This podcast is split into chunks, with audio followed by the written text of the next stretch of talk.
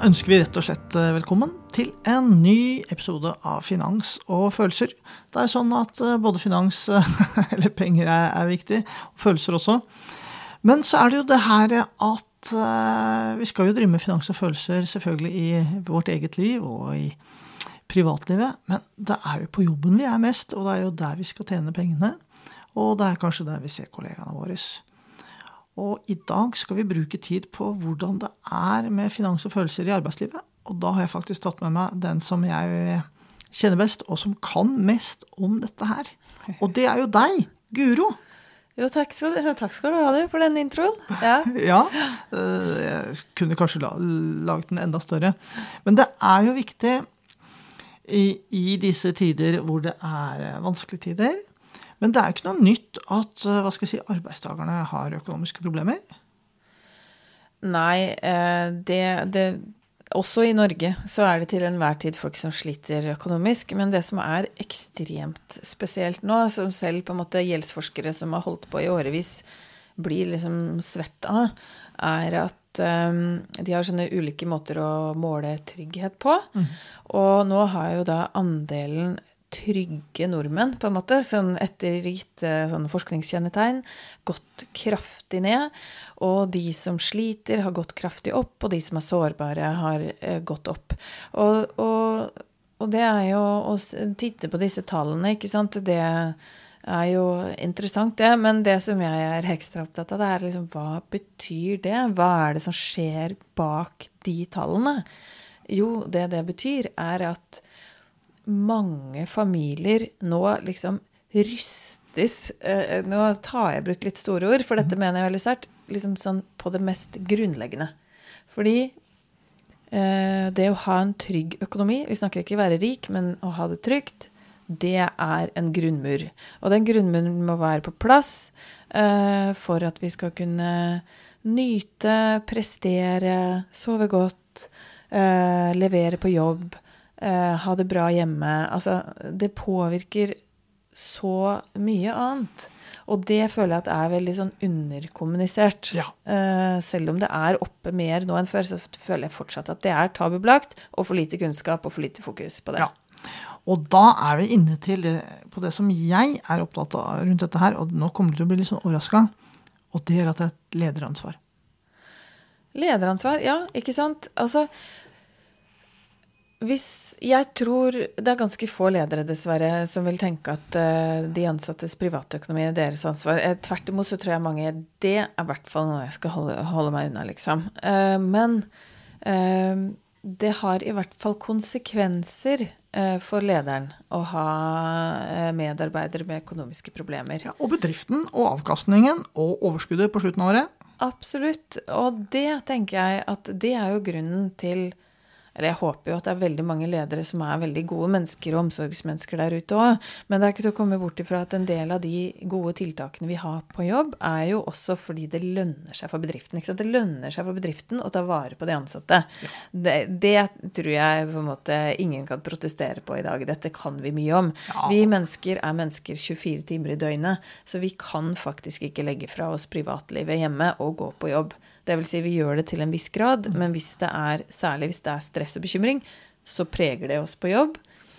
Uh, og det påvirker da produksjon, effektivitet, samarbeid osv. da. Og, og, det øker jo fare for sykemeldinger, ikke sant? Ja. Vi skal snakke mer om det etterpå, men jeg har noe som jeg liksom lurer veldig på. Ja. Og det er jo at du uh, hva skal jeg si, tar med doktorveska di, og så går du jo ut til bedriftene for å hjelpe de og snakke med de og kurse de. Hva er det du får av tilbakemeldinger, spesielt når sjefen ikke hører på?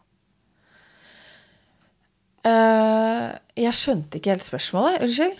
Ja, Poenget er jo at uh, det her er jo også tabu, så det er ikke noe ålreit å sitte der som arbeidstaker og fortelle at du har dårlig råd, men sjefen hører på, eller kollegaene dine.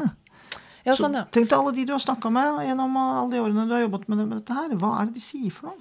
Ja, altså det å ha økonomiske problemer, det er uh, for de aller fleste så vanskelig, og, og, ordet skam er det som går igjen. Mm. Og det gjør jo at uh, vi gjerne ikke snakker om det. Og det som er uh, Jeg skal prøve ikke å bli for teknisk her, men det som er veldig spesielt med akkurat i forhold til arbeidslivet, er jo at arbeidsgiveren i mange sammenhenger er de første som får vite om at en sliter. Og det er jo ikke fordi det blir sagt. Men det er fordi at eh, det blir kanskje nedlagt trekk fra lønn. Altså de har slitt med å betale over tid, og da blir det tvangstrekk fra, fra lønn. Og det er gjerne noe som er veldig ubehagelig for begge parter. Fordi sånn shit, jeg vet om noe om den andre personen, og det må vi for all del ikke snakke om, på en måte. Mm. Eh, og da oppstår det på en måte noe sånn vanskelig, i, gjerne, i mm. den relasjonen. Og, og mange arbeidstakere er jo da bekymra for hva arbeidsgiver vil måtte tenke om dette. Eh, kanskje redd for å miste jobben, ikke sant? fordi at det, det føles som en sånn At du har liksom at det er en dårlig kvalitet da, på en måte, på jo, deg. Du kan jo tenke deg eh, alle disse sekretærene da, som sitter og får brev fra Statens innkrevingssentral når de sitter på lønningskontoret. Ja, det er namsmannen ja. som legger ned de trekkene først og fremst, og, og noen andre instanser. Ja. Så, Så det, er, eh, det, er, en spesiell situasjon. Mm. Og jeg har satt og tenkte på det her om dagen, for jeg leste en ganske sånn morsom, eh, morsom eh, undersøkelse da, om dette med gaver fra jobben. Og folk bare Fy fader, hvor mange sånne refleksvester mm. eller kaffekrus eller eh, termokopper eller sånn er det vi egentlig trenger? Og særlig i disse klimatider, ikke sant. At man bare kjøper noe for å kjøpe noe. Man ønsker å vise at man setter pris på medarbeiderne sine da, mm. gjennom eh, ting de ikke trenger eh, ofte. Det er godt ment, men de trenger det ikke. Nei. Ikke sant? Og, og, det, og det ikke, ligger ikke noe i det. Så det er jo én måte å vise omsorg på. En annen måte å vise omsorg på er jo å invitere de på et show eller mm. et eller annet. Mm. Og det er selvfølgelig kjempeverdifullt. Men, men det jeg sitter og kjenner nå, er at nå er det så mange som er berørt av den prisveksten eh, og det som foregår. Så hvorfor ikke, eh, hvorfor ikke, by på litt kunnskap som folk faktisk har glede og nytte av i livet sitt, da. Og det er jo noe av det som jeg brenner for eh, i FRI. Det er at uansett hvor på den økonomiske skalaen du står, så har alle glede av å øke bevisstheten sin. Eh, de som er utrygge, er jo åpenbart enorm eh, glede eh, av å løfte seg ut fra utrygghet. Men, men, det er også veldig mange som er sårbare, som kanskje nesten ikke engang tenker over at de er sårbare. Mm. For de er så vondt, vant med å bruke til det er tomt, mm. og så går det greit. Men med det som skjer nå, så kan det plutselig ikke gå greit lenger. Og, og tida fra det går greit, til det føles helt krise, den trenger ikke å det trenger ikke å ta så lang tid. Det trenger ikke å skulle så mye til da, før man blir vippa over i et veldig ubehagelig sted å være. Og, og da tenker jeg at arbeidsgivere har en gyllen anledning til å vise at jeg vet hva som skjer i samfunnet. Jeg bryr meg om eh, dere. Jeg bryr meg også om deg som eh, privatperson. Mm. Eh, å gjøre det trygt å kunne snakke snakke om penger og lære om penger og dele tips og vise omsorg. Fordi at det, Jeg har jo vært leder i mange år og liksom vært en del av det her. fordi vi fyller jo på med kunnskap for de ansatte på nesten alle andre områder. Ja. Typisk. Det kan være liv, førstehjelpskurs. Det kan være helse, trening. Eh, noen har kunst, vin de tingene mm. der. Og så har vi mm. selvfølgelig en del lovpålagte ting innenfor HMS. Mm. Og type sånn alkohol- og, og narkotikamisbruk. Mm. Det passer man jo på. Ja. Men det som ligger rett foran nesa mm. til ledelsen, det er jo økonomiske bekymringer og uro. Ja. Og hvorfor har man ikke liksom mer liksom satt dette i system? At man tar dette her eh, og coacher og lærer sine ansatte god økonomistyring. Nettopp at det som vi snakket om innledningsvis, at det er bra for bedriften også. Ja. Nei, altså jeg har ikke noe godt svar på det. Jeg er faktisk uh, utrolig forundra over hvor lite fokus uh, det er på privatøkonomi. Og da mener jeg det er fokus på Jeg føler det er mye snakk om liksom, investeringer og bitcoin, liksom, men jeg er helt ned mm. i hverdagen vår. Uh, hva det betyr for trygghet, men også for livskvalitet. Ikke sant? Vi har jo snakket med folk som har spart vi for å gjøre Eh, et basehopp, eller noe som, du har skikkelig lyst til. Jeg vet at du drømmer om å gå over Grønland. ikke sant? Det koster dritmye penger. Mm. Da må man spare, da. Mm. Uh, og veldig mye sånne ting som faktisk betyr noe for folk, da. Som de husker resten av livet. Men da må man prioritere litt annerledes, da. Og det med å prioritere annerledes, det, det kan man ha utrolig mye glede av å trene seg opp til. Og så er det også sånn at um, Eh, det fins jo en del sånn lykkeforskning eh, som viser at sånn generelt sett så, så blir vi mer lykkelige da, av å dele opplevelser sammen med folk vi er glad i. Mm. For eksempel. Det er sånn som varer, framfor å kjøpe masse ting. Jeg skal ikke dømme folk som kjøper ting, altså, men, men hvis du på en måte er ute etter en sånn god følelse som varer, Eh, så vil jeg jo anbefale å vri litt over der, da. Og dette kan man liksom snakke om på jobben. Ja. Men jeg tenker i forhold til finans og følelser og det vi snakker om, at det der å kunne kurse folk innenfor privatøkonomi som en del av bedriftens gave mm. Ikke sant? Mm. Og det du da gir dine ansatte, er jo mestring. Ja. Ikke sant? Og hvis du greier å liksom få folk til å kjenne at de mestrer, mm. da bygger du jo dine ansatte. Veldig.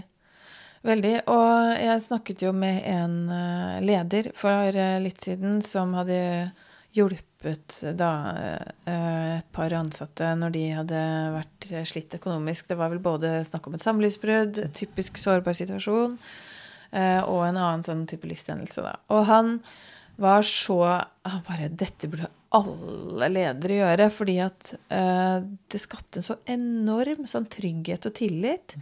Og maken til liksom lojale medarbeidere da, som sto på for bedriften sin, hadde han ikke vært borti. Og det som var så rart, sa han Dette var veldig interessant, for jeg spurte For han sa at hele arbeidsplassen eh, var prega av så mye sånn trygghet. da, Lavt sykefravær mm. og, og, høyt engasjement. Det er jo det alle drømmer om. ikke sant? Høy produksjon. Og så sa jeg ja, men du kunne vel ikke snakke med de andre om det der? Mm. Eh, nei, det kunne han jo ikke. Men men den på en måte liksom Det var akkurat som det sev ut på noe vis. Den derre vissheten om at jeg har en arbeidsgiver som tar vare på meg hvis ja. jeg trenger det. Og da skal jeg fader meg gi jernet for dem òg. Så han var veldig sånn Det hadde en enorm, eh, enorm gevinst, da. Uh, og, og, tilsvarende så vet vi jo at um, dette er medarbeidere som typisk kanskje ellers ville blitt uh, sykemeldt. Og det er jo gjort en undersøkelse før eh, denne prisveksten og pandemien og sånn, som viste at hver tiende fastlegepasient cirka i Norge hadde plager som var relatert til økonomi. Tenk deg det. Og da, dit kommer jo folk med halsbetennelse og, og liksom sånn småtteri. Uh, sånn at mange tenker at å ja, dette er så marginalt, eller dette er et smalt tema. liksom, så bare Nei, alle har en økonomi. Det er jo enormt, ja. Uh, og, og, det er um, så utbredt med søvnvansker og bekymringer og stress eh, knytta til dette. Ja, det, det jeg sitter og tenker på, er om hva skal jeg si, økonomisk rådgivning for ansatte kanskje kan liksom nesten kan bli definert som en del av bedriftshelsetjenesten. Absolutt. Absolutt, det tenkte jeg, fordi det er så Det skaper så Ja, den der basen og, og tryggheten og, mm. og, gleden. Og mange er jo opptatt av investeringer. Det syns jeg også er interessant, da. At det er litt sånn eh, Liksom eh, ikke stas nok eller det er litt flaut å engasjere seg i sånn hverdagsøkonomi. Fordi, mm. fordi jeg, jeg, vil lære om aksjer, er det mm. liksom mange som sier. Eller eiendom, som du lærer om, ikke sant? Mm. Bare, men hva kommer først? Jo, du må ha penger til å investere. Stålkontroll på privatøkonomien. Ja, så det er liksom noe med det at uh, du må faktisk gjøre ting i rekkefølge. Du ja. kan ikke investere i aksjer før du har penger. Og hvis du investerer litt i dag, kanskje du kan investere mye mer. Ja. Mye mer! Hvis du, hvis du, bare skrur om hverdagsøkonomien litt, og det skal ofte så lite til. Mm. Men det skjønner ikke folk. De tror det er kjedelig, men det er jo ikke det. Det er kjempegøy. Ja, Tenk deg en hobby hvor du på en måte bygger penger istedenfor å bruke penger. Det må det være bra. ja. Da, da. Og det er så mye forestillinger, ikke sant. Og, Uff, nå er det slutt på alt som er gøy og sånn. Og jeg tenker, nei, det, er, det blir mer gøy. Det gjør det. Ja.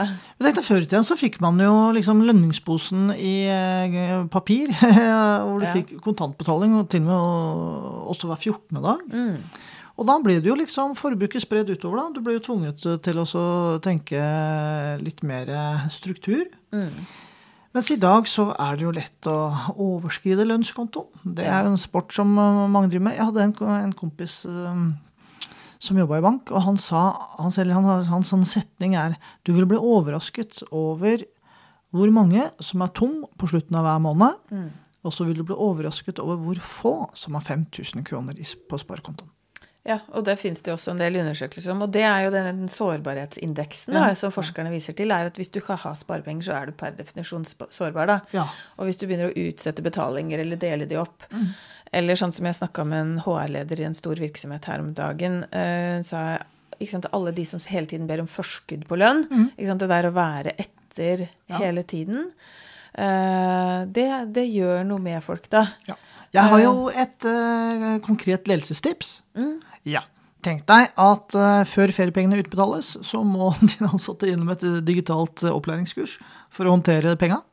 Ja, for det er jo penger som brenner i lomma. Ja, ja, ja. Eh, Så deilig. vi- Det er jo gratispenger. Kommer jo plutselig. Også deilig. ja, og mer enn vanlig. Ja. Men vi nærmer oss jo en sånn mer enn vanlig utbetaling nå også, med halv skatt i desember, ikke sant, og julegaver. Ja, det er Sånn jo at, til rent forbruket. forbruk, det. eh, Så, så jeg er spent på den jula her, altså. Eh, Det må jeg si. Ja. Eh, og det hadde ikke vært dumt om litt flere hadde en plan for eh, den sesongen vi går inn i nå, med høye strømpriser og julefeiringer og forventninger og, Ja. og alt det som hører med det. Så det er, sånn, eh, det er egentlig tre eh, hendelser i den ansattes liv som jeg vil at ledelsen skal ta tak i. Mm. Det er jo før feriepengene, som vi akkurat snakket om, og før eh, desemberlønninga. Mm. Og stor rød alarm hvis de ber om forskudd. Ja. Hvorfor ber du om forskudd? Hva er det Mm. som gjør at du trenger det? Trenger du noe annen hjelp? Kan det være noe du kan utsette? Ikke sant? Mm. Og når du da begynner med de samtalene, så blir du også bedre kjent med Ja. dine ansatte. Og det viser også at du tar ansvar. Og det er jo et stort ansvar som, som man også har som arbeidsgiver. Og så tror jeg eh, disse tidene vi står i nå, det er eh, likt for alle. Altså det vil si, vi rammes jo ulikt som alltid, men, eh, men alle kjenner det på en eller annen måte. Mm.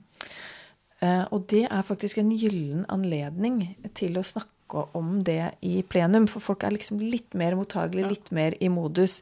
Og, og det er lettere å snakke om uh, uff ja, strømprisene øker, det er fryktelig kjedelig, enn jeg liksom har Aha. gjort dårlige vurderinger og dårlige valg, for det er ofte veldig vanskelig. Mens nå er det en gyllen anledning til å angripe dette her eh, i plenum, og på en måte vise at dette er et tema eh, som er selvfølge hos oss. Dette kan vi snakke om også i kantina etterpå. Men er det det du opplever når du er ute og holder foredrag og sånt, at uh, du er en perf perfekt unnskyldning for at eh, plutselig han som ikke tør å si det, kan prate om det? Fordi nå har jo vi seminar. Ja da, eh, det, det er mange som eh, eh, byr på seg sjøl da, ja. Og så pleier jeg noen ganger å, å by på litt sånne egne erfaringer, ikke sant. Fordi at eh, det er jo ingen måte perfekt eh, det vi lever og gjør heller, nødvendigvis. Nei. Og, og, og da er det lettere å, å komme på banen, og så stiller jeg kanskje noen eh, spørsmål, sånn at man kan på en måte le litt og komme med noen innrømmelser. Og, og ikke minst dette med at vi ikke er så rasjonelle. Uh, og det er jo derfor uh, vi også kaller denne podkasten for Finans og følelser, fordi at ofte så snakker man om penger som om det er uh, matte. Ikke sant? Og du må være god i matte for å kunne noe om penger, og det, er bare, det har ikke noe med saken å gjøre. Dette her er vel så impulsstyrt, vanestyrt, følelsesstyrt. Og det, disse sammenhengene må vi være klar over da, og snakke om. Ja. Jeg er veldig god på følelser, så derfor har jeg blitt så fått det til. Og det er faktisk veldig gøy at du er med på denne vrien der. Men det er jo sånn, ikke sant? Ja da.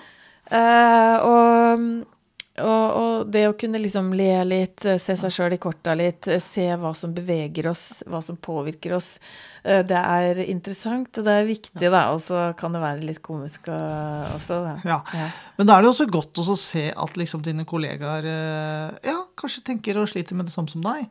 Og da kan jo man jo stikke hull på den ballongen og begynne å jobbe med dette her. Absolutt. Og det som også er interessant, er at For jeg holder jo også kurs og foredrag for folk i hjelpeapparatet. Ja.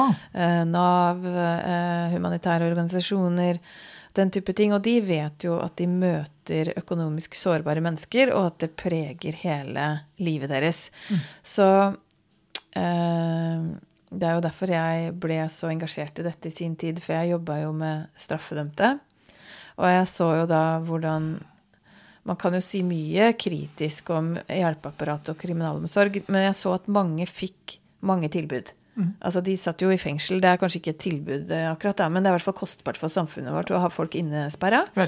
Eh, og så fikk de kanskje noe sånn rusmestringskurs. Eh, man jobbet med nettverk, og så på utsiden så var det hjelp med å få bolig.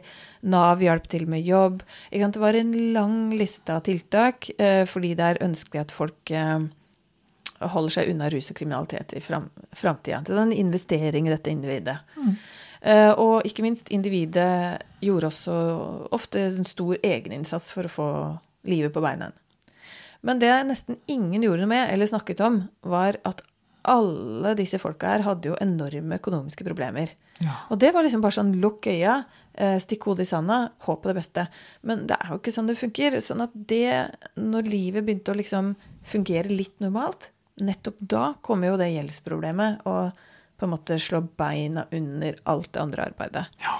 Og jeg bare Er det mulig? Dette er et hull som ødelegger for alt det andre. Og det fikk jeg for meg, da, at dette skal jeg begynne å jobbe med. Eh, Men det som jeg har sett eh, over tid, da, er jo at disse mekanismene gjelder jo for så mange. For straffedømte er jo en, på en måte en ytterlighet i, i samfunnet vårt, og, og rusmisbrukere. Men dette gjelder jo for så mange at uh, hvis det er utrygt der, så er alt annet vanskelig. Og da kan vi jo pumpe på med eh, psykologtimer, terapi, eh, tilbud, tilbud og tiltak for sosial inkludering, opplevelser. Og jeg sier ikke at det ikke er vits, for det er det. Det er veldig mye vits. Men det bare fungerer så mye dårligere og er så mye tyngre og er så mye mindre varig enn hvis folk også hadde fått en eller annen bistand uh, med økonomien sin. Eh, og, og derfor så har jeg jo hatt mye kurs for å eh, Fordi mange i hjelpeapparatet syns også det er skummelt, ikke sant? Ja, det er, et, det er kjempevanskelig. Og så er det både teknisk vanskelig og følelsesmessig vanskelig. Ja. Men så er mitt budskap at det er egentlig ikke det. fordi at hvis du bryr deg om folk, enten du er leder eller jobber i hjelpeapparatet, så er det der det begynner, da. Vi må skille mellom hvem er det som skal avdekke noe og vise omsorg, og hvem er det som skal løse og reparere. Og eh, det er jo sånn eh, Hvis noen tryner stygt på sykkelen mens jeg går til jobb, så går jeg og spør hvordan gikk det. Jeg tenker jo ikke at jeg må være lege for å stoppe å bry meg om den personen. Men hvis den personen trenger legehjelp, så ringer jeg lege. Og samme er det på dette området her. Det er ikke mystisk. Det er ikke vanskelig. Vi må bare bry oss og tørre å spørre. Og så finnes det jo eksperter man da kan koble på etterpå. Og jeg har inntrykk av at mange er redd for å spørre fordi de ikke kan svarene. Og da, altså, det å si 'det vet jeg ikke', men det kan vi kanskje finne ut, det er veldig tillitsvekkende. Det er ikke flaut. Det er, det, vi må begynne å si 'mer vet ikke', men jeg bryr meg, og jeg kan hjelpe deg videre. Eh, og det, jeg merker at jeg bare øker tempoet. Eller eh, for, jeg, for dette er jeg så engasjert i. Jeg tenker at hvis mange flere hadde turt litt mer Man trenger ikke å bli økonomiekspert, men bare turt litt mer, eh, så hadde så utrolig mange eh, flere fått hjelp, da. Og mange lærer jo mye sjøl òg, ikke sant. Jeg fikk en melding fra en, en Nav-ansatt en gang etter kurs. Så sa han Guro, tusen takk. Jeg er så stolt. Nå har jeg oppretta min første sparekonto, eller regningskonto, jeg husker ikke. Fordi hun hadde jo aldri jobbet med sin egen økonomi heller, så selvfølgelig er det vanskelig å spørre andre om det da. Eh, Men, men da gjorde hun det, var så utrolig stolt, og, og bestemte seg for å begynne å snakke om de hun fulgte opp eh, med økonomi da. Fantastisk. Ja, så, så eh, ja, jeg håper at vi, litt flere, kan tørre litt mer. Og det er som sagt ikke så mystisk. Hvis du bryr deg om folk, så Gjør sånn som du pleier. Vis at du bryr deg. Jeg tror rett og slett at det her Det her er så stort at vi egentlig ikke greier å beskrive hvor stort det er, og viktig. Nei, og jeg snakket jo med en uh, Eller jeg hørte en fortelle her om dagen som hadde fått god hjelp da, med økonomien. Mm. Og han Altså, det var så rørende å høre på han. og han, han sa jo nå husker jeg ikke ordrett lenger, men han liksom takket sine hjelpere, da. Eh, og sa at eh, det var et eller annet sånn Et liv med mening begynner med orden i økonomien. Eller et eller annet sånt. Mm. Og det er Mange til økonomi betyr ingenting. Eh, og så tenker jeg da har de ikke peiling, eller de har ikke kjent på hvordan det føles å være utrygg. Ja, så er og, det, det er jo egentlig en sånn herre man prøver å fortelle noe om at penger ikke er viktig fordi de ikke tør å gå dypt inn i det, og at de skal prøve å ikke være sånn De er redd for å bli sett på som materialistiske. Ja, det er akkurat det. Men det har vi snakket mye om før, at det er en sånn grunn holdning. Ja, det er en veldig sånn stor misforståelse, tenker ja. jeg. fordi at uh, i, Frid, uh, eller der jeg jobber, så har vi et begrep som vi kaller for økonomisk frid. Uh, eller frid i det hele tatt. Og det er på en måte den Det er når økonomien er sånn at du ikke trenger å tenke så mye på økonomi. Det er jo mm. det som er deilig. Ikke sant? Så målet er jo ikke å drive med sånn uh, og liksom makse liksom hele tida og hele tida bare tenke om hva er billigst, hva er best, hva er smartest. Mm. Men det er tvert imot å ha et liksom sånn grunnsystem, en holdning, en trygghet som gjør at andre deler av livet uh, tar mest mulig plass. Det er jo målet. Uh, og, og opplevelser Eh, for eksempel, da, eller hva det nå måtte være du bryr deg om. Mm. Ja. Det er jo hva skal jeg si, det er mange tusen som hører på oss, og det er sikkert noen som kjenner at det her stikker litt og treffer litt. Mm. Er det anledning for dem å sende deg nedpost, eller? Alltid. Uh, guro at frid.app. Mm. Uh, guro at frid.app. Mm. Uh, der uh, treffer dere meg, og jeg elsker jo, uh, vil jeg si Dette er mitt hjertebarn. Ja. Det er mitt barn nummer fire, er dette temaet her. Ja. ja. Vi er nummer fem, da. Stykke ned på lista. Ja. ja. Nei, men jeg har masse tips og tanker om dette hvis noen skulle ha lyst til å ta kontakt med, med meg, da. Ja, fantastisk. Ja. hva skal jeg si? Det kan jo bli en veldig verdifull samtale for eh, de som på en måte er i hjelpeapparatet, de som er ledere. Det å kunne liksom gå Det, det er ikke nybrottsarbeid, men det er jo en måte å drive omsorg og ledelse for ansatte som ikke er så vanlig. Det er modig. Det er ja. modig omsorg, vil jeg si. Mm. Eh, men som ikke er så skummel som folk tror. Ja. Altså virkelig ikke. Ja. Og kanskje den viktigste julegaven du kan gi. Ja. Absolutt. Fantastisk. Takk skal du ha, Guro. Det, jeg tror vi fikk fyra deg i dag. Det fikk du. Tusen takk for at du hva skal jeg si, ja, lot meg fortelle om det her mm. engasjementet mitt. For det, det er veldig, et veldig spennende tema, det må jeg si. Og viktig. Det er kjempeviktig. Ja, mm. det er det. Det er også viktig for de som skal bli investorer. Og jo, de som skal bli investorer, de eh, får jo fagboka di i mitt kurs. Ja. ja så det er jeg veldig stolt av. Mm. Eh, hvis dere har lyst til å vite mer om Guro og hva hun kan tilby, så sender dere henne en e-post. Ta gjerne tommelen opp, eh, skriv i kommentarfeltet, og del denne sendingen til de som du mener trenger å få ja, åpnet opp tankene, lære litt, eller eh, på en måte få at de kan ha noen å dele sine tanker rundt finans og følelser. Med det så takker vi for følget. Ja, og hvis de vil snakke eh, med deg eh, Du gir jo råd om eiendomskjøp og utleie, så hvor treffer de deg? Nico at smarteiendom.no. Og så kan jeg jo røpe, da, eh, for dere som er nye, at vi er gift. Sånn at eh, disse eiendomsinvesteringene og utleie har jeg også en god del eh, greie på, da. Sånn at det går an å, å eh, snakke om det også. Eh, det er det som er spennende, at hele alle kan liksom eh, gjøre noe da, for å nærme seg litt de drømmene vi har. Det var siste ord fra oss. Takk for følget. Ha det godt.